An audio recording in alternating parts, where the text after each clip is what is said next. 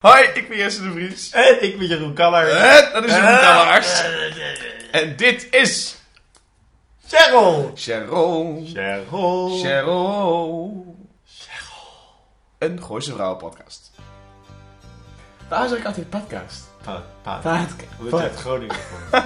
Je Ja. het gewoon in je systeem dat je dat niet kan uitspreken. Oh, Podcast. Look at me, I can see the reality.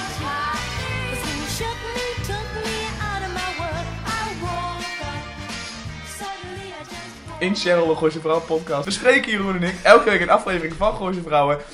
Onder het genot van een kritische analyse, maar toch wel vermakelijk is hij ook wel vaak. Ja, Zoals vandaag, ik vind hem nu al enig voor ik onszelf. denk dat die hartstikke vermakelijk wordt. Het is vrijdagavond. Och, ik heb eindelijk weer een biertje in mijn handen bij het maken van de podcast. Ik ook. Zoals Martin zou zeggen, een poppenpilsje. Heerlijk. Zal ik het even inknallen? Nee, jij, jij bent degene die knalt. Oké. Even lekker ontspannen. Laat je meevoeren door het water. Gewoon rustig ademhalen. Hoe, hoe, plop. Een beetje op een garnaal. Aflevering 3, seizoen 2, genaamd Het Plan. Het is uitgezonden op 28 september 2006 op Talpa. Eh, aantal kijkers 500.000, maar dan meer. aantal kijkers van deze aflevering is 543.000. Alsjeblieft. Het scenario is geschreven door... Maar wacht even, dat, zijn, dat is een daling van 45.000 kijkers weer. Hè? De vorige aflevering was het 51.000 kijkers minder. Nu is het 54.000 kijkers Ja. minder. Het scenario is geschreven door Tamara Bos. Ehm, en de regie is door Wil Koopman, Jeroen. Tamara Bos. Tamara Bos is ehm, een jeugdscenario schrijfster. Als in jeugdig of schrijft ze jeugd? Nee, ze schrijft voor jeugd. Oké. Ze is de boekenschrijfster en de scenariste van Het Paard van Sinterklaas. Zijn er boeken van? Ja, dat was volgens mij eerst. Oh joh. Oh. Denk ik hoor. Ik, ik kan ook andersom ja. zijn. Zij was in ieder geval bij- van Het Paard van Sinterklaas. Ze was ook van een van mijn favoriete series toen ik vroeger klein was. Mevrouw de Tante Gazeuze. Mijn Franse tante Gazeuze. Dat was echt mijn lievelings. Eh, ook Dagjuf tot morgen, dat keek ik ook graag. En Knofje, dat was iets voor mijn zusje. Eh, nu heeft ze Dolfje Weerwolfje geschreven, de film. Dus het is één grote jeugdbende bij haar. En nu schrijft ze een aflevering van Gooise Vrouwen. Ja. Niet alleen maar Tamara Bos, Maar ook, again, ook Lex Paschier. is weer terug. Ik denk eigenlijk dat als ik nu terug zou kijken... Ik heb dus even een beetje teruggekeken. Want ik zat bij aflevering 8 van het vorige seizoen. dacht ik, is dat dan echt alleen maar Steven RT geweest? En dan zie je een aftercredits weer staan. Script editor Lex Paschier. En een pilot dan? Ja, dat, dat zou ik eventjes moeten nakijken. Maar het ding is wel dat Steven RT er niet meer is. In ieder geval... Ja, in ieder geval deze aflevering, aflevering niet. meer. Maar totaal niet. Hij wordt nergens genoemd. Nee. Hij heeft de teleplay niet gedaan. Niks. De- deze hele aflevering is dus gewoon van begin tot eind niet bedacht door Steven RT. Ja. Goed, zal ik maar knallen? Ja, knal hem erin. eh, Ik heb een beat by beat gemaakt. En ik ben er klaar voor. En ik moet wel zeggen, het is lastig, lieve luisteraars, om na de beat by beats van Jeroen elke keer weer te proberen.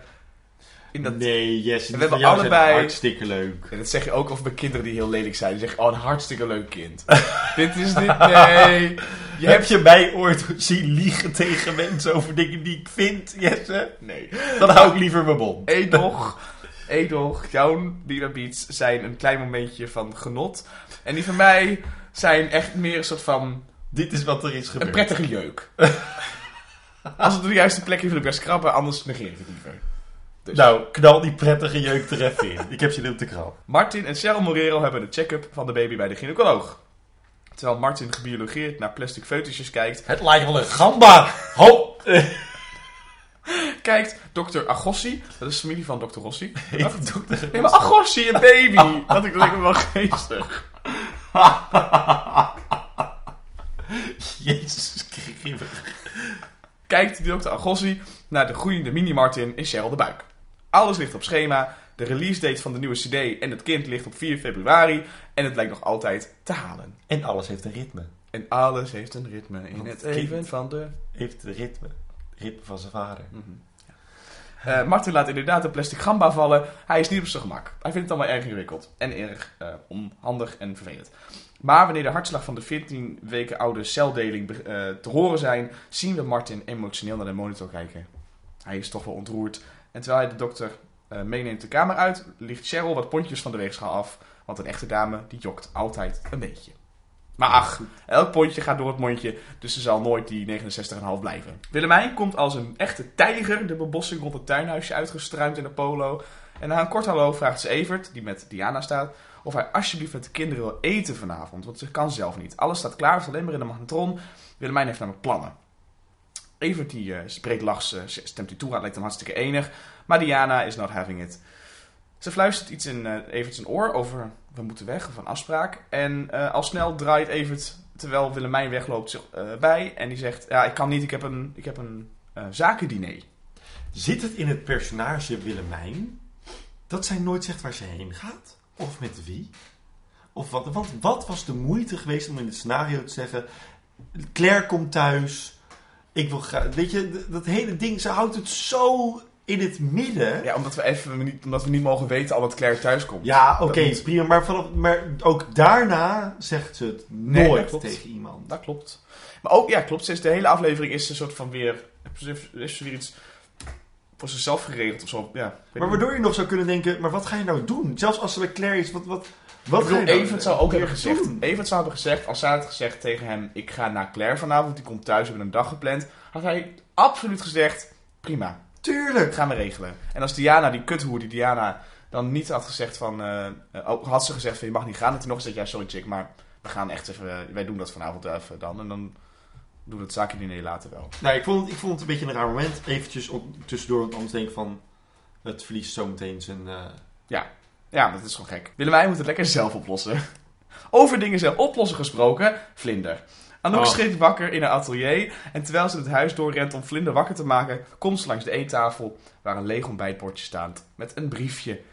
Ik ben zelf al naar school. PS, de chocopasta is op. Anouk kijkt trots naar het briefje. de kleine Midi, daar is weer bezig. Ze heeft een zelfstandige dochter opgevoed. Met een snor. Enig. Claire zit ondertussen nog altijd in het revalidatiecentrum en komt de verpleegkundige aan om haar te helpen met het douchen en afdrogen. Even een klein stukje dialoog. Zo, zijn we weer helemaal fris. En terwijl zij Claire begint af te drogen, draait Claire zich om in haar stoel. Ja, drogen kan ik zelf wel. Ik, heb, ik ben geen baby. Zegt die zuster weer. Nou, nog even, hè, dan kunt u het zelf doen. Hè? U, kunt, u gaat vanavond naar huis. Zal ik u naar de kamer brengen of doet u dat ook liever zelf? Echt, die zuster, ik wilde er gelijk neerschieten. Ik denk, je hebt een gehandicapte vrouw in de stoel. Je gaat niet passief agressief zeggen dat je... Oh, maar goed. Ik ga hier zo meteen Mm, allerlei oké, dingen over top. zeggen. Nou, Claire gaat het gevecht met deze zuster van Satan even niet aan. Eh, ik denk dat... Ja, maar wacht maar, want op een dag zal Super Claire opzoeken zoeken en vernietigen. Ik heb al een filmtitel bedacht voor deze actiethriller. Guardians of the Galaxy. Dat lijkt me een enige actiefilm met Claire met een cape die een lijstje afgaat. En iedereen neerschiet die op dit moment verkeerd tegen haar is. We hebben een lang lijstje van mensen die verkeerd op Claire zijn. Claire zijn Iedereen die ooit met Claire in de scène heeft gezeten. Ja. Het linkje. We zijn weer terug bij Melton en Cheryl. En buiten staat een groep journalisten of paparazzi of iets dergelijks op hun te wachten. Het leek Martin namelijk een briljant idee om de zwangerschap even goed uit te buiten en naar buiten te brengen in de pers. Net nou, ik begin uit te dijen. Cheryl is er niet heel blij mee. En als een van de journalisten dan ook nog eens een keer vraagt of het geen tweeling is, kan zij met moeite een glimlachje op dat glanzende volle gezichtje krijgen. Maar even eerlijk, dat zou niemand kunnen op dat moment. Ik zou hem echt hebben geslagen met mijn jumbo-tas. Ja, maar ja, we moeten natuurlijk wel het plot een beetje vooruit duwen met dat Cheryl zich dik voelt. Goed. Anouk en Willemijn bestormen het huis van Claire, bewapend met sop en dweiltjes.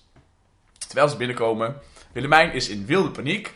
Anouk vindt het wel geestig. Het enige wat ze zegt is, nou, Merel had op zijn minst wel even de afwas kunnen doen. Want dat is het belangrijkste. Goed. Willemijn, het is maar goed dat we hier zijn, anders was Claire direct weer rijp voor opname geweest. Koffie en tompoezen zijn klaar, een wasbak vol pizza en knakworstjes en godzijdank deze scène is voorbij, want ik werd hier heel boos van. Echt? Ja! Jeroen, terugkomend op vorige week, dat ik zei het is toch belachelijk dat niemand, maar was het, week- dat was de de ja, ja, daar ben ik het met je eens. Maar ik vond het al, als losstaande scène vond ik hem briljant. Alles wat zij zeggen vond ik zo goed. Ja, nou ja, ja, ik weet niet. Ik dacht alleen maar, ik kan dit gewoon nu niet meer geloven. Het kan... En dat ze ook niet eens zeggen, goh, waar is Merel nou? Oh, wat... Nee, ja, nee, Merel, die is... Die is ik, ik, ik, dit, de suspension of disbelief is bij mij, zeg maar, te veel gerekt om dit te kunnen vertrouwen. Want ik denk, je bent zoveel weken verder. Je weet dat Claire naar huis komt. Claire is blijkbaar dus geen één seconde met haar huis bezig geweest nog. Die heeft nog nooit spullen laten ophalen. Waar leeft ze nou van? Welke kleren pakt ze dan? Haar bankpasje had ze niet. Weet je, dat, soort- dat huis Nee, is je- gewoond. Je, je zou kunnen denken, Willemijn is vorige aflevering een keer bij de volgens mij een paar dagen.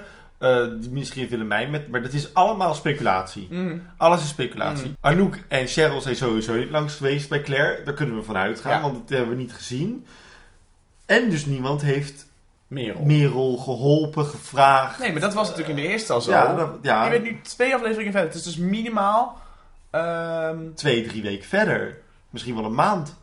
ja, we zijn 14 weken verder sinds het einde van seizoen 1. Nou, dus zij is nu 14 weken. Ja, maar ze moet er ook achter zijn gekomen dat ze zwanger is, hè? Dus we zijn ze misschien 10 weken verder. Ja, oké. Want het is niet zo dat je na een dag zwanger zijn Nee, nee, dan nee. dat je zwanger bent. Nee. Misschien 8 of 10 of zo. Maar goed dan nog. Eh, ja. Nee, nog. Eh, Claire maakt zich ondertussen klaar om terug naar het goor te komen. Die hoerse zuster overhandigt haar de kaartjes van vrienden, collega's en een bepaald familielid. Ik lees deze ook even voor met de vlinderstem. Lieve mama, ik mis je. Het is stil zonder jou in huis. Lies, Merel. Zij zegt dus eigenlijk, lieve mama, ik mis je. Hoe zet ik de vaatwasser aan? ik heb geen idee. Hoewel ik persoonlijk die kaart in de reet van die zuster sarcasme had willen drukken. Gewoon echt zo. Bewaart Claire de kaartjes wel voor in het plakboek. nee, ze gooit ze weg. Nee, ze heeft ze boven de prullenbak en dan doet ze ze in de tas. Oh. Ze neemt ze mee voor Guardians of the Galaxy. Daar heeft ze dan ook een lijst met mensen die ze af moeten werken, een hitlist. De eerste is Merel. Of juist het laatste voor de suspense van de film. Anouk vertelt ondertussen ook trots aan Willemijn dat ze vlinder is vergeten die ochtend. En Willemijn vindt het een beetje vervelend. En belachelijk dat Anouk die zelfredzaamheid van Willem Vlinder wel kan waarderen. Maar ze zegt natuurlijk niet, ik ben Vlinder vergeten. Ze, zegt, ze, ze probeert natuurlijk tot te zijn dat Vlinder het zelf heeft gedaan. Ja. Maar Willemijn die prikt doorheen door te zeggen... Door eigenlijk gewoon te denken van, je bent wel vergeten, kut. Ja. En deze discussie hebben we al een keer eerder gehad. Willemijn zegt, in een achterstandswijk noemen we dat verwaarlozing. Waarop inderdaad Anouk weer begint te bitchen over haar manier van opvoeden. En Willemijn over die van haar. Tot Anouk gelukkig zegt... Oké, we gaan er gewoon oneens zijn om oneens te zijn. Weet je wel, het is goed zo, er is wat spanning, maar het is oké. Vind ik wel fijn, ook dat ze terug refereren naar de Ja, discussie van eh, absoluut. magie. Dan komt Cheryl binnen met een bos bloemen en een zwangere buik. En Anouk ziet de kans schoon te vertrekken. Anouk gaat zeg maar altijd weg als ze even geen nut meer heeft. Anouk blijft nooit hangen. Maar dan moet ze, dan moet ze ook gaan. Rennen, gewoon. Oh, iets vergeten. Ja, Rennen. ze is altijd even, oh, ik moet echt weg. Zo ook nu. En een sneer naar Willemijn, nadat ze zegt een kwaliteitsmomentje met vlinder. Dat zegt ze dan heel subtiel. Cheryl heeft geen zin in tompoezen, want ze vindt zichzelf heel erg dik worden. En Willemijn wil het niet horen. Hup, niet zo gek doen. Zegt ze dan, ja, dat zijn gewoon vetjes. Ja, Dat is toch erg om te zeggen. Dat heeft totaal geen hulp. zo van, oh, het zit er dus wel. Ja, Ja. en dat is dus niet mijn zwangerschap. Dat is gewoon hoe ik ben. Dat zijn gewoon vetjes. Maar dit lijntje wordt natuurlijk briljant. Ja, het lijntje. Ah. Ja. Eh, Anouk en Vlinder genieten van een heerlijke lunch met Vertella Tonato en een glas wijn. Ik wil geen Vitello Tonato. Dus ze pakt een, een bakje met zelfgezinde boterhammen uit de tas en begint passief-agressief zo'n witte boterham weg te werken terwijl haar moeder aan een fles glas wijn zit. Alsof ze een maanlanding heeft geregeld, eh, prijst Anouk haar dochter om het smeren van een boterham. En Vlinder is het zat en zelfstandig genoeg en zegt: Ik wil weer naar school.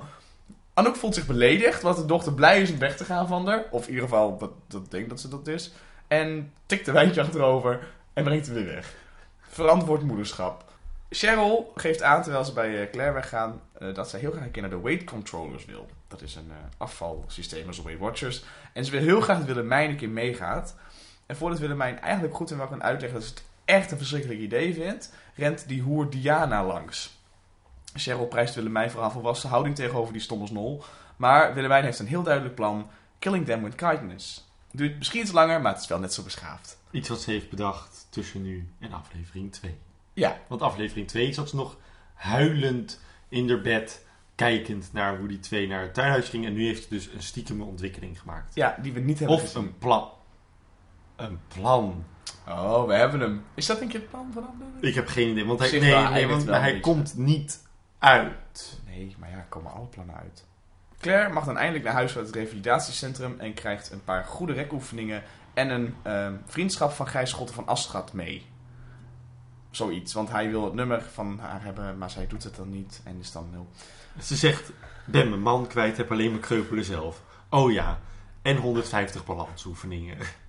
En hij zit heel romantisch te doen met het karretje. Het is gewoon een nutteloos stukje scène. Ja. Nou. Vind je Gijs Schot van Aschat ook niet gewoon heel vaak... Ik vind hem eigenlijk... Ik vind hem vaak als ik hem zie geen acteur, maar een politicus. Oh. Ik denk altijd, is dit Alexander Pechtold?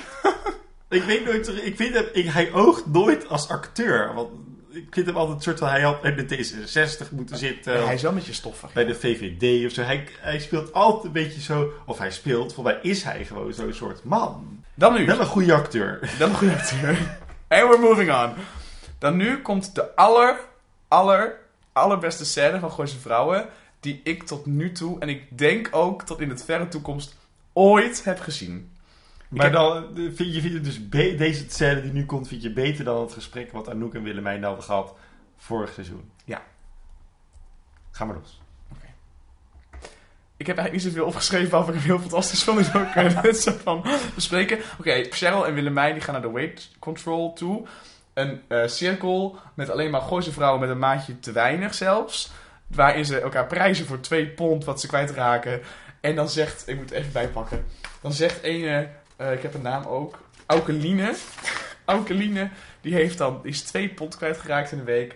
eh, door paprika's. Groene paprika's, gele paprika's, eh, rode paprika's en natuurlijk oranje worteltjes. en dan zegt de weight control vrouw... Je, mag toch, je hebt toch wel gestoomde vis gegeten? Je moet wel op de ijzertjes letten. En dan zit ze zo... Ja, ja, ja, oké, dan klappen ze allemaal. Superleuk. En dan kijkt Willemijn... Kijkt echt nog... Ik heb nog nooit... eh eh Annette maar hebben zo mooi zien kijken. Alsof van... Ik haat jullie uit principe allemaal. Maar zij kijkt in plaats van woest, kijkt zij echt hooghartig. Gewoon, ik ben beter dan Ja, jullie. ik ben beter dan jullie. Ja. Nou, dan, heel- dan natuurlijk is het zo dat de Cheryl en Willemijn worden uitgenodigd om ook hun eh, ehm, ehm, gewicht te delen. En nu wordt het interessant. Want Cheryl wordt aangewezen, maar zij durft niet. Zij durft wel.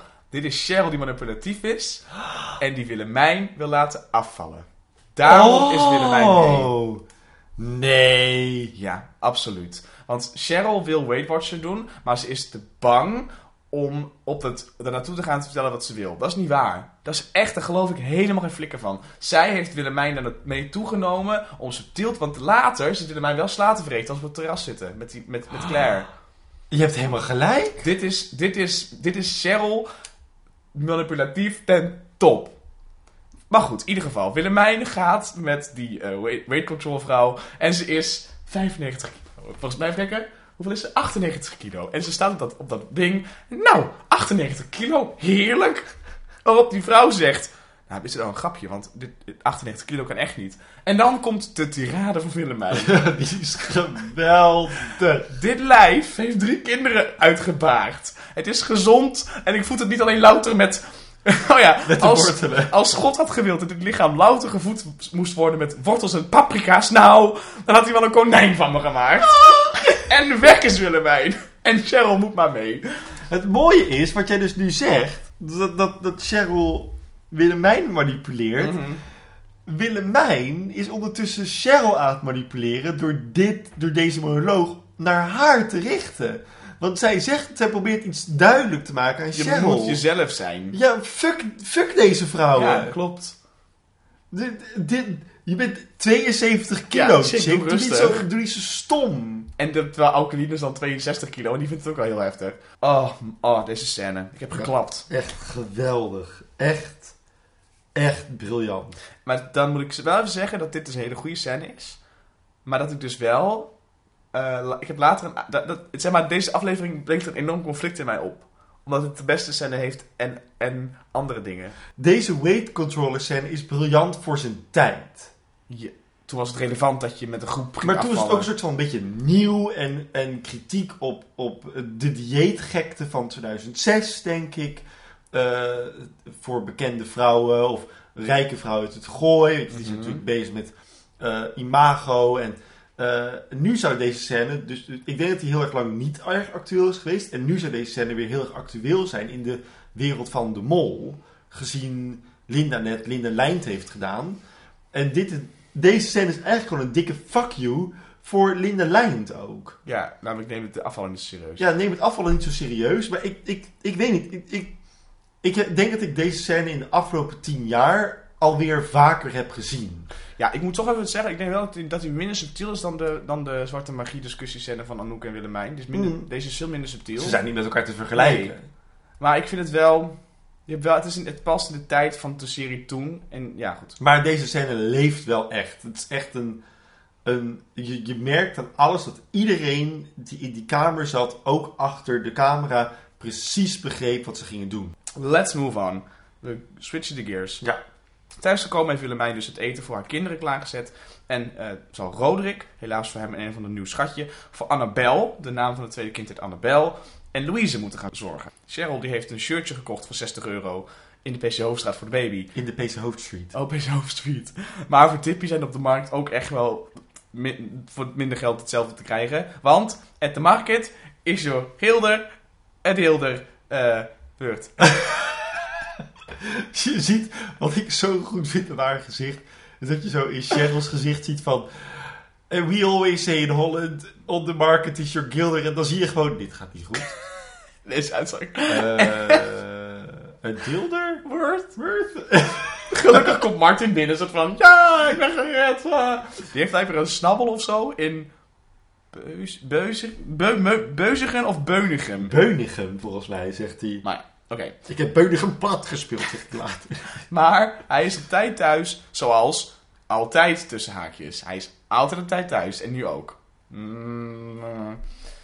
Claire komt thuis in een soort van pausmobiel. Zo, dus echt, als je de pausmobiel opzoekt, daar zit Claire in. Inclusief witte outfit en een koffertje. En ze zegt nog net niet bedankt voor de bloemen. Het is verschrikkelijk. De vriendinnen hebben een fles champagne gekoeld gezet. Maar Willemijn vindt het onverantwoord om haar vriendin nu al een drank te geven. Net nu ze nog aan de medicatie zit. Eh principes of niet, even later zitten de vriendinnen inderdaad weer aan de drank. Claire, die kijkt wel erg verliefd naar het glaasje bubbels. Nou, Clairtje, daar ga je, is de proost. Nee, ze ging het zwembad in. Daarom zit ze nu hier. Het is niet daar ga je, daar ging je. Claire, daar ben je niet. Godzijdank. Maar Willemijn heeft toch door dat Claire niet helemaal zichzelf is. Je ziet aan Willemijn haar blik naar, naar eh, Claire, twee maal in deze scène, dat het toch een soort van Ja, ze vertrouwt niet helemaal. vertrouwt in de mouw. Nadat hij niet genoemd mag worden, a.k.a. Debussy, wordt genoemd als de eh, mogelijke oplossing van hun probleem, probeert Claire aan de meiden te vertellen dat Merel is opgepakt. Maar de racist in Willemijn kapt haar af. Het is de asielzoeker, het vriendje van Merel, die heeft het gedaan. Claire grijpt deze leugen met beide han- handen aan, logisch, want ze wil Merel graag buiten beeld houden. En Amir eh, zit dus blijkbaar niet meer in Duitsland, maar hij is nu in de gevangenis. Waarop Willemijn zegt, prima plek voor een asielzoeker. Niemand is tegen dit gesprek. Ik wel. Ik vind het verschrikkelijk. Maar als het dan ook nog eens een keer over de doodstraf gaat, vindt dan ook dat ze niet zo barbaars moeten doen. Dus dat mag niet. Maar over een racistische asielzoekersgrapding dingetje doen, mag dan wel. Het ergste komt nog, want we wou letterlijk net zeggen. En de scène kan dus nog erger, want daar is de thuishulp die die vriendinnen naar huis stuurt. Bedoel je dat? nee. Oh, wordt het nog erger? Ja, Cheryl zegt, nou de doodstraf is niet eens genoeg voor dit soort mensen. Oh ja? En dan zegt Anouk van, nou dat zie ik wel een beetje barbaars. Ik vind het een hele heftige mening voor Cheryl, want dat, had ik nog niet in haar gezien als personage. Klopt. En dan zegt ze, om het nog een stapje erger te maken, ik vind de doodstraf zelfs niet erg genoeg voor mensen zoals hij. Maar gaat het dan om mensen die, die vriendinnen Nee, het zijn gaat met om moordenaars, denk Ja. ik. Maar zo komt het niet over. Je kunt hem ook interpreteren als Cheryl is racistisch en vindt mensen zoals hij, soortgelijke stemden in Duitsland. Dat zijn allemaal van die eufemismes voor Marokkanen en Turken. Ja, Ja, nu denk ik niet dat ze dat bedoelt hoor. Ik denk dat ze oprecht bedoelt van een doodstraf is al niet genoeg voor een moordenaar. Maar zelfs dat vind ik een erg heftige mening. ja en, dan, en dan ook nog omdat Willemijn het wel zegt. Willemijn zegt letterlijk die asielzoeker, het is die asielzoeker. Maar goed, om het dan nog eens een stapje erger te maken, is omdat er nog een thuishulp binnenkomt lopen in die scène, die met een nep Surinaams accent zegt eh, dat, ze, dat, ze, dat de vriendinnen weg moeten gaan, eh, omdat ze eh, mevrouw van Kampen moet verzorgen. En dan ook nog later een scène hebben waar nog een keer een personage komt met een nep buitenlands accent. Hoe durf je? Totaal geen respect. Anouk, en dan is wat vergeten, want het was half tien. En ze, ze- oh, het is half tien en weg is Anouk. Ze is altijd iets vergeten. Willemijn vindt dat mevrouw Wijngaard, zo heet de thuishulp, eh, niet zo moet zeuren. Het is een surprise moment, een happenings gebeuren met hapjes en zo. Passief-agressief druipt Willemijn af. Er kan maar één zorgzame vrouw zijn en dat moet Willemijn zijn. Maar dat is ze deze niet, dus duwt ze de boezem en de kont in die thuishulp haar stoel en wil ze gewoon ze wil winnen. Ik, ik snap niet dat ik de scène hier voor Willemijn fantastisch vind en deze scène haar compleet haat. En gewoon Ja. niet meer respecteren als personage. Anouk is bij de moeder van Katelijne. Dat is dat kutkind van de vorige aflevering met het feestje met de Ja. chocoladefontein. En die komt, eh, komt de vlinder ophalen. Met het excuus, ja, wat is tijd als je kunst maakt, probeert Anouk de moeder af te wimpelen over een oordeel dat het te laat is. Vlinder wil heel graag dat Katelijne bij hun komt spelen. Wederom, hè, trouwens, als Anouk gewoon had gezegd van ja, een van mijn beste vriendinnen komt net uit het revalidatiecentrum Voilà. en we gingen het even vieren. Wat is het fucking probleem? Waarom durven deze mensen niet gewoon de waarheid te zeggen? Ik snap dat het een dramaserie is, dat leugens altijd een drama-ding op. Maar dit is niet eens een drama-moment. Nee, dit is gewoon... Anouk had door. niks te verliezen. Cheryl wil graag slapen, maar Tippy zuigt eh, stof op en zo. En eh, zij ziet haar kans schoon om nep flauw te gaan vallen. oh. Nee, dat je zo tippie zuigt, stof op. Ja, ja, was grappig. ja, leuk. lachen om je grapje. Oh, godzijdank, eindelijk één. Ik heb er één. Ah. Oké, dus Tippy ziet haar kans schoon om eh, flauw te vallen. Dat is nep. Waarom? Geen idee. Tippy weet het wel. Ik weet het niet. Ze is ook zwanger, geloof ik nog. Is het... Nou goed, helemaal heel vaag. Willemijn komt thuis na het diner bij Claire. En vindt haar twee andere kinderen, eh, Louise en Annabel. Annabel, huilend op de trap. Niemand nam de telefoon op. Roderick was niet thuis. Ellende, ellende. Er was iets in huis. Er waren honden die blaffen. En dan eens snelt Evert binnen, woest op Willemijn dat ze de zakendiner heeft onderbroken door twee huilende kinderen. Hoe kan ze zo onverantwoordelijk zijn? Wat een slechte moeder is ze, zegt hij terwijl hij bij de kinderen staat. Oh, oh, oh, oh, oh. Dat is de druppel voor Louise. Stop ermee, roept ze. En de ouders besluiten hun beschuldigingen te vervolgen voor de neus van hun kinderen. Again.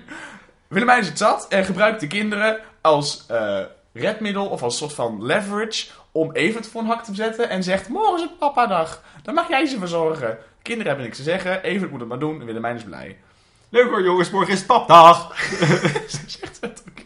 Onder het genot van foute pornomuziek zoekt Anouk in de krant een nieuwe nanny. Martin komt thuis in het pikken donker en voor hij naar bed gaat loopt hij de kast in, gooit wat contant geld in een doos en dan ziet hij Tippy in bed liggen met Cheryl. Out of the bed!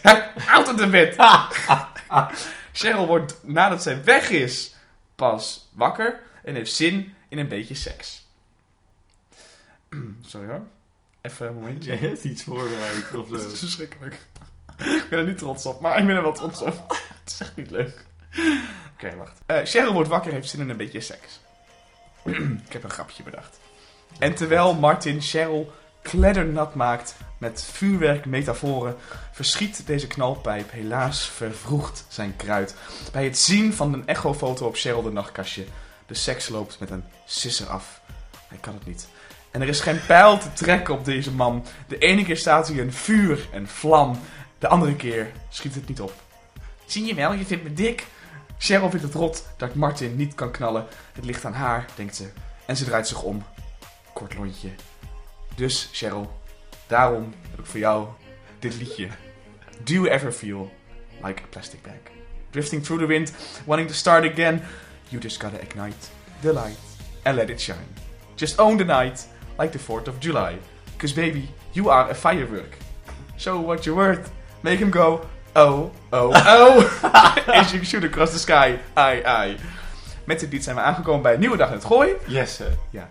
heb jij toevallig Net laatst de documentaire gezien over Maya Angelou? Wat je een soort van aan het, aan het voordragen. Dankjewel. En Still I Rise. Dat is ook een liedje van Katy Perry. Maar ook van Maya Angelou. Nou, Evert wordt wakker met een sms'je, want het is 2006. Van Willemijn. Het is immers papdag.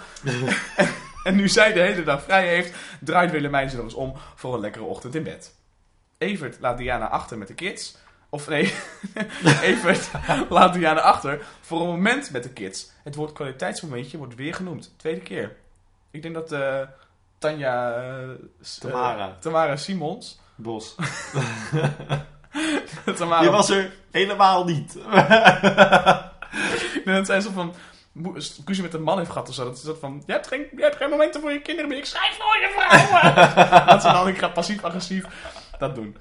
Eh, Willemijn heeft een eh, draaischema achtergelaten voor Evert. Nou, die gaan we dus niet Een gebruiken. draaischema zit gewoon eh, zo'n plan die je schrijft als ik voor, voor de parkiet van mijn zus moet zorgen. Willemijn kan niet zo goed slapen boven, want ze is een beetje onrustig. Dus ze loopt even naar buiten, luistert of alles goed gaat, rent de slaapkamer in. Eh, oké. nou. Anouk en Vlinder hebben audities voor nannies gepland. En Anouk is zo'n goede moeder dat ze de dochter ziek meldt voor school, zodat hij erbij kan zijn. Want dit kan namelijk niet op een zaterdag of op een woensdagmiddag. Dit moet direct de volgende dag. Er volgt een eh, semi-leuke montage met verschillende nannies. Een super nanny. Eentje die naar hele geiten ruikt. Een soort astronomie dingen doet. Eentje die geen Nederlands kan. En een hele mooie jongen. Oprecht een hele mooie jongen. Ja. Vlinder wil de super nanny. Anouk de mooie jongen. Wie, wie zou het worden, Jeroen? Had je al een idee toen je dit keek? Nou, eerste ja, keer? ja ik, nou, nou, je kan wel een beetje raden voor wie uiteindelijk gedwongen de keus wordt opgelegd. Ik dacht, de super nanny gaat haar betrappen met seks met de anderen. Dat was hoe ik hem eerst keek. Oh. De super nanny wordt aangenomen. Zij nodigt die andere jongen uitneuken. En nanny gaat weer weg. Ja, ik, weet natuurlijk niet meer wat ik, wat ik, er zou, wat ik ervan zou denken als ik het, toen ik het keek toen ik 15 was. Dan zou die jongen, was je s'avonds af gaan trekken op die jongen. Waarschijnlijk. Ja, Maar ehm, nog steeds. Maar... nu, als ik het kijk, denk ik, oh, ik, kan, ik kon me oprecht niet meer herinneren dat dit ging gebeuren. Mm. En toen ik hem eerst keek, dacht ik van, oh, uiteindelijk draaft Anouk haar mening door bij Vlinder, omdat zij uiteindelijk wil wat Anouk wil. Omdat Anouk's, Anouk's wereld draait alleen maar om Anouk. En dan kan ze wel zeggen dat het niet zo is, maar aan het einde van de dag is het Maar wel de verrassing van de scène, en dat vond ik super leuk, was dat Vlinder heel erg koos voor de supernanny. Maar dat was omdat er een parallel zit in de tekst. Want die moeder van Katelijne, die zei, afspraak is afspraak. Dat heeft Vlinder gehoord. En de supernanny zegt, ik ben van afspraak is afspraak. En Oh. Vlinder zegt daarna nog, nee, ik ben van afspraak is afspraak. Mm. Dus ze zegt misschien wel tegen haar moeder, ik wil niet dat je moeder Katelijne haar moeder bent. Maar ergens wil ze wel een moeder hebben zoals Katelijne's moeder. Die zegt, afspraak is afspraak. Ja, Daarom ging ze voor de supernanny. ik vond het een hele saaie montage. Er zijn Rossi-montages geweest die ik leuker vond. Nou, dat zegt wat. Over Rossi gesproken, Cheryl eist aan het ontbijt dat Martin naar Dr. Rossi moet gaan. Er is nog steeds geen seks voor Cheryl. En als dat nog langer doorgaat, nou, dan kunnen ze haar en de baby opvegen. Dus nood neemt ze de minnaar en gaat hij maar bij de mama wonen. Want dit kan ze niet langer aan. Tweede keer dat zij het over zijn moeder heeft. In datzelfde segmentje ligt Claire op de bank en de telefoon gaat. Het is Merel. Die zit in de gevangenis of in een inrichting. In ieder geval, ze, ze wordt bewaakt en ze be- belt haar moeder op. Wil haar excuus aanbieden en wil nog een kans van Claire. Maar Claire heeft er geen oren naar. En diep gekwetst houdt ze op en begint ze te huilen. Ze is een moeder ziels alleen. Zou deze scène... Oh ja, ik vind hem heel erg. Dankjewel. Moeder ziels alleen. Zou deze... Het eerste wat ik me afvroeg toen ik deze scène zag, dacht ik... Oké, zo werkt deze scène ondertussen niet meer. Mhm. Hoe zou deze scène... Zou deze scène één op één nu nog in 2017 op deze manier kunnen werken? Doe het vaak gemakzucht voor het drama. Nee, qua hoe deze scène is opgebouwd. Met, met Claire en, Ja? en Vlinder. Of Merel? met de Merel. Ehm, nee. Merel belt haar moeder, hè? Mhm. Merel belt haar moeder vanuit de gevangenis. Mhm. We hebben ondertussen in de afgelopen tien jaar superveel gevangenisdrama gehad. Orange is the New Black. Ondertussen zou Prison Break, ondertussen zou eh, wanneer Merel Claire zou bellen, je eerst horen: dit is de penitentiaire inrichting in eh, Zutphen. Eh, blijft u aan de lijn alsjeblieft, er wil een gedetineerde u spreken. Ja, dit is, ja. Dat zou er eerst komen en dan zou Merel Dit is komen. hetzelfde als het hele doktersding in de eerste aflevering. Het is een serie die gebruikt elementen van eh, arena's waar ze niet in thuis horen. Ja, Ze snappen alles van het gooi. Die taal snappen ze, maar zodra ze buiten hun comfortzone gaan, dan gaan ze met snel, sta- grote stappen snel thuis. Medische termen erin flikkeren en, en dit soort dingetjes ook. Ik moet wel zeggen dat deze scène eh, van eh, Merel Claire totaal overbodig is. Sterker nog, het maakt het geheel zwakker van deze lijn. Ja, en ik vond hem. Ik, vond, ik vind sowieso de lijn Claire-Merel deze aflevering ongelooflijk verwarrend. Ehm, laten we dat zo terugkomen ja, naar daar die- komen we zo ja. meteen even op terug. Ja, top. Eh, Tippy is aan het stoffen en die loopt stiekem de kast in. Waar Martin eerder in de aflevering het cont- contante geld verstopte. En beneden vertelt Anouk eh, ondertussen alles aan de Claire. Oh, god. En beneden vertelt Anouk alles over de nieuwe nanny aan Cheryl. En die staat de spijker in de kop door te zeggen: Een man in huis nemen is een kat moet spek binden voor jou. Wat? Nee, ga even door. Ja. Eh, drie maanden geen seks. Gaat nooit lukken op die manier. Stop ermee, hou de jongen buiten je deur. Als Tippy met een treetje thee en koekjes aankomt, verzuurt Anouk de gezicht. Niet alleen. Je hebt het gemist. Heb je niet gemerkt dat het weer tijd is voor het Tippy Fonds? Ja, ze heeft geld gepakt. Tippy Fonds. Tippy Jeroen zit dus vanaf het begin van dit stukje. Zit Jeroen dan tegenover me te wiebelen op zijn stoel met een bek. Dat ik denk: heb ik iets gedaan? En Jeroen zegt: nee, nee. Het is een beetje alsof je een kind voor een Furby zet in de jaren 90 en de batterij er nog net niet in hebt gedaan. Voordat het begint te leven, dat het kind er opgefokt is. Dat zit tegenover me nu. Ik dacht alleen maar... Tippy Een soort van, Stevie Wonder die zo blind zo tegenover me zit. te Genieten van zijn eigen vondst. Maar ik geloof de vondst wel nu, maar goed. Ehm Tippy brengt dus thee en koekjes. En die zijn allemaal heel lekker. En dan ook eh haar gezicht eh, wordt wat minder Ze eh, gezellig. Zulke lekkere koekjes. Ze is net een vriendin, maar ze is niet boos omdat Tippy er is. Maar verder is koekjes, wat heeft ze nooit gekregen? Anouk heeft iets niet gehad en dat vindt ze kut. Cheryl denkt, haha, fuck jou. Little does she know, Tippy is gonna fuck her up. Hmm. Willemijn neemt Claire mee de heide in en ze zien een geelgerande geelgors. Dat Nou. is een vogel. Ik heb hem gegoogeld. Het bestaat. Ik ben heel blij dat de schrijfster Tamara Tanja... Bos. Tamara Bos. In ieder geval, de geelgerande geelschors is mijn nieuwe favoriet woordje. het bekt zo lekker. Die alliteratie, de ge... Ja, maar toen, ik hem, toen ik hem hoorde, dacht ik, nee, zeg gewoon, hé, hey, kijk, een speel. Nee, maar het is Willemijn. Die is blij dat ze een vrouw van de klas heeft. Want Cheryl heeft geen... Ja, die is wel heel slim, maar die is manipulatief. En Anouk heeft geen klasse. Behalve een klas vol mannen die zijn... Weet je wel? Maar Claire is intelligent, dus daarom kan ze praten over de geelgerande geelschors. Dat woord is mijn nieuwe favo. Goed, ze gaan lekker een hapje eten verderop. Merel zit op de finishing school in Zutphen. Ze krijgt Spaans en Italiaans. In ieder geval, dat is wat Claire liegt tegen haar beste vriendinnetje. Het ging allemaal niet langer meer, zeker met de revalidatie. Maar die finishing school, die kost heel veel geld. En nu heeft ze nog wel genoeg voor deze week, of deze maand, maar daarna wordt het lastig. Blijkbaar heeft Claire in haar coma, eerder dit seizoen, alles wat de personages hebben gezegd, gehoord. Want nu klopt ze... Goed zit als een messias tegenover me. Want nu klopt ze Dit subtiel... is een beetje mijn... What the fuck? Ze begint heel subtiel, maar edoch streng, edoch gevaarlijk, edoch manipulatief, edoch oppervlakkig, edoch geniaal bij Willemijn het geld uit de portemonnee te schudden. Willemijn overduidelijk woest tot op het bot. Het bakje met oesters komt aan en je ziet dat ze denkt, ik ga die over je heen gooien, vuile kut. Doet ze niet. Ze blijft heel netjes en beschaafd. En ze kan niet anders accepteren. Want, zoals Claire zegt... Echte vriendinnen, ja, de beloftes die je maakt op een ziektebed... daar wil je niet laten spijt van krijgen. Maar je begint echt al fucking slim. Dus we beginnen...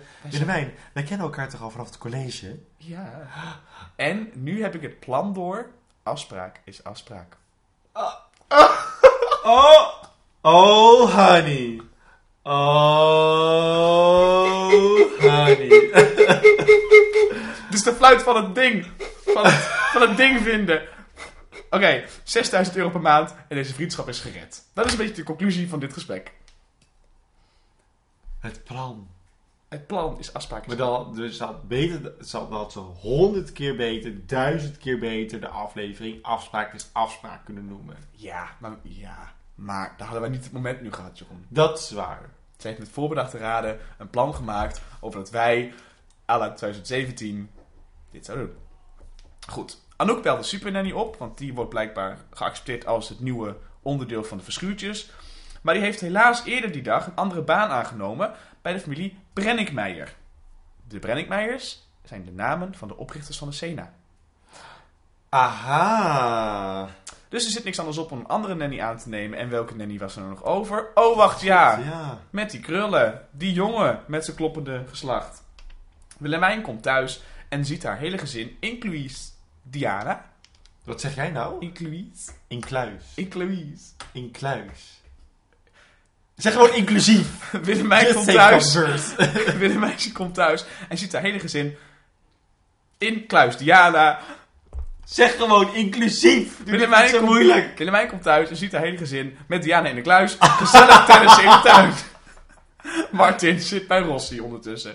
Hij legt even haar fijn uit hoe heilig het geboortekanaal nou allemaal is. Ja, hij wil dan niet met die hele grote... Ja, de- op de deur kloppen. Hij ziet dat kleine vragende koppie al met oogjes naar hem kijken van... Pa, pa, wat ben je nou in hemelsnaam aan het doen? Al dat gestamp en gedreun. Hij heeft in dit moment even geen zin meer in. En Rossi zwijgt en stemt toe. Hé, hey, maar uh, Pikkel, laat ik jij het. Ik en scène is afgelopen. Deze scène is zo goed. Ze hebben gewoon gezegd, Peter Paul, eh, je moet seks eng vinden. En dat is het. Ik denk dat ze oprecht op dit moment hebben gezegd tegen de, tegen de scenaristen... Geef maar een treatment. Precies. Geef hem lijntjes. Geef Ja, hem geef hem een lijntje. Te plezier. Doe. Ja, misschien een paar woordjes die hij sowieso moet noemen, maar voor de rest laat hem zijn ding doen, want hij is briljant. Die man snapt zijn personage. En ook met Cheryl, geef ze iets meer, maar niet nog steeds. Maar ook hoe prachtig is het in die Rossi-scène dat hij begint op de bank en eindigt op het, op het Dat voetenbankje. poefje, dat hij gewoon naartoe schuift. En dat hij gewoon bij hem gaat zitten. hij, hij denkt gewoon, yo, is gewoon, heb je een biertje? Ja, precies! Dat is dat heb ik ook opgeschreven. Ik heb gezegd, het is net alsof hij in de kroeg staat. Ja! Het is briljant, het is zo goed! Maar dat is het gevaar. Dat betekent dat Martin altijd overal eerlijk is. In ieder geval op dit gebied. Het boeit hem dus niet dat mensen van hem weten. Daarom is hij ook zo'n succes bij de, bij de bladen. Omdat hij altijd alles zegt. eh, wat met, met het begin van de aflevering werd gemeld. Ja, Dus hij is niet terughoudend daarop. En dan nu. Toen dit gebeurde, heb ik een filmpje gemaakt van mezelf. En niet een filmpje die mijn moeder niet moet zien. Maar gewoon een normaal filmpje van mezelf. Waarin ik schreeuwend naar mijn televisie schreeuw. Het is ons liedje! ons liedje, de intro tune van ons podcastje, werd ineens uitgezonden in het programma waar we een podcast over maken. ja. Nou, het was niet toevallig, Meta, ik was, meta, meta. ik was heel blij. Cheryl maakt een bed mooi, loopt naar de kast en zet Cheryl de podcast aan. En dan gaat de bel. En omdat Tippy de benen aan het ontharen is met een Tena Lady, of wat zo'n ding, Ik, heb, ik ben geen vrouw, ik weet niet hoe dat, hoe dat werkt. een epileermachine, moet Cheryl zelf, oh mijn god, de deur openmaken. Daar staat Willemijn, verdrietig en verslagen. Geen gil, Ik sta met mijn ziel onder mijn arm. Haar plan om Diana weg te krijgen lijkt niet te lukken. Iedereen kan goed zonder mij. Wat jij zei, dat haar grootste angst was. Laten zien dat Willemijn eh, nodig is, is wat ze vorige aflevering de tijd deed. Niet gelukt, dus is ze, is ze gebroken. Slim van jou. Maar Cheryl is een beetje afwezig. Martin is namelijk al heel lang bij Dr. Rossi. En natuurlijk, omdat het een dramaserie is die heel erg weinig tijd heeft meer... komt Martin er gelijk aanlopen met een bos bloemen. Hij komt wel heel erg leuk binnen. Ja, hij komt wel heel leuk binnen, maar dat is Peter Paul... Nou goed. Ja, oké. Hij komt wel gelijk weer binnen. Het is zo'n lekker grote pro. Zo, oh, waar is hij nou? Ja, Daar ja, ja. Ehm, en hij geeft geen concreet antwoord tegen de dames over hoe het bij Rossi was. Dat dan weer niet. Dus als het op zijn vrouw komt, is het niet meer eerlijk.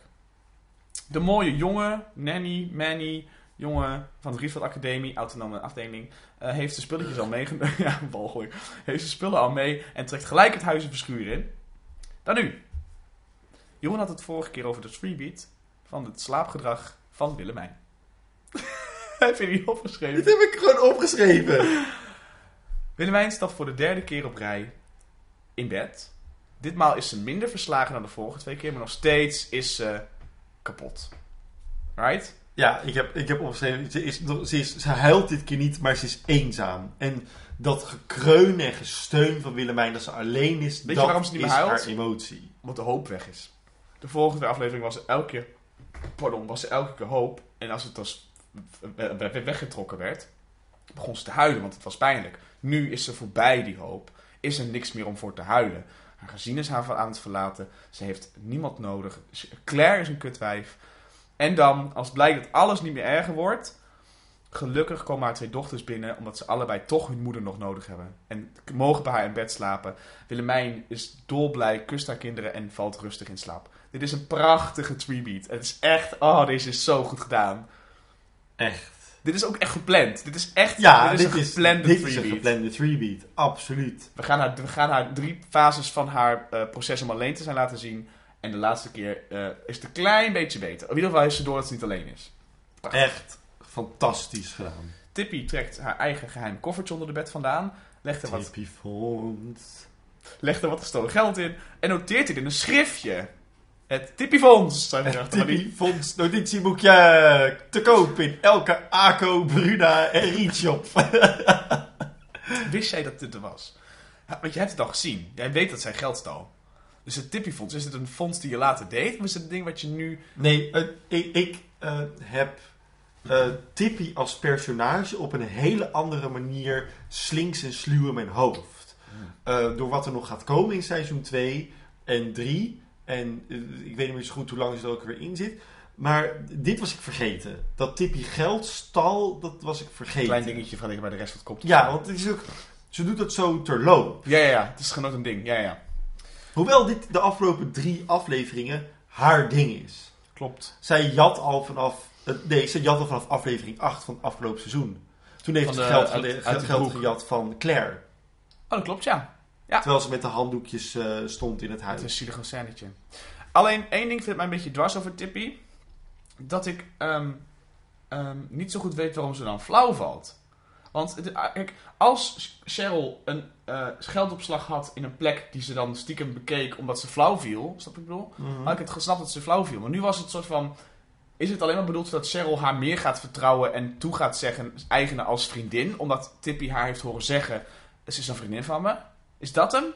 Ja, ik, ik snap hem dus ook niet zo goed. Ik heb wel ook opgeschreven van... Doet Tippy het nou om sympathie op te wekken bij Cheryl? Maar dat heeft ze al. Ja. Ehm, toen dacht ik van... Omdat ze bij Cheryl in bed komt liggen... dacht ik van... Oké, dichterbij Cheryl dan dat ga je niet meer komen.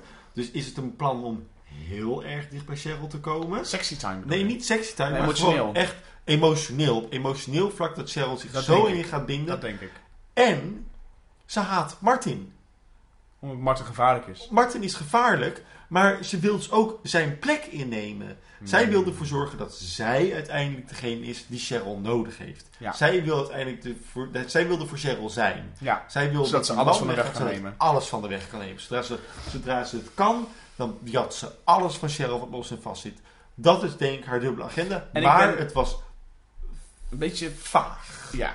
Eh, wat hebben we nu? Oh ja, Martin studeert s'avonds nog een liedje in en belooft zo naar boven te komen. En Cheryl ziet zijn grote eh, ding al aankloppen bij de geboortekanaal, dus zal even wat spannends aantrekken. Misschien een Marlies dekkertje, misschien een schoonmaakkostuum, misschien een poefhuls. Dan kan hij er lekker daarop zitten. Een poefhuls. Ja. Oh, dat is wel... Een poefhuls. Als Cheryl vervolgens om kwart over drie s'nachts, of eigenlijk 16 over drie specifiek, naast zich kijkt in bed en ziet dat Martin nog steeds niet is, dan heeft ze door, er is iets aan de hand. Dat klopt niet helemaal. Ehm, tussendoor zien we ook nog even snel Claire op de bank liggen, kan ook niet slapen, maar boeien. Martin eh, sluipt naar binnen en wordt betrapt door een dodende Cheryl, die van achter een muurtje hij- hem binnen zit komen en naar boven zit schieten, s'avonds. Met vragen en een blik waar Claire Underwood uit House of Cards jaloers op zou zijn, namelijk boos, bevragend, gekwetst eh, en klaar om Martin met de grond gelijk te maken. Kortom, het gezicht van een vrouw, veden we naar zwart. Credits. Wat een aflevering. I've got the eye of the tiger, fire, dancing. Dat is niet waar. Fire, cause I am a champion. And you're gonna hear me roar. Oh,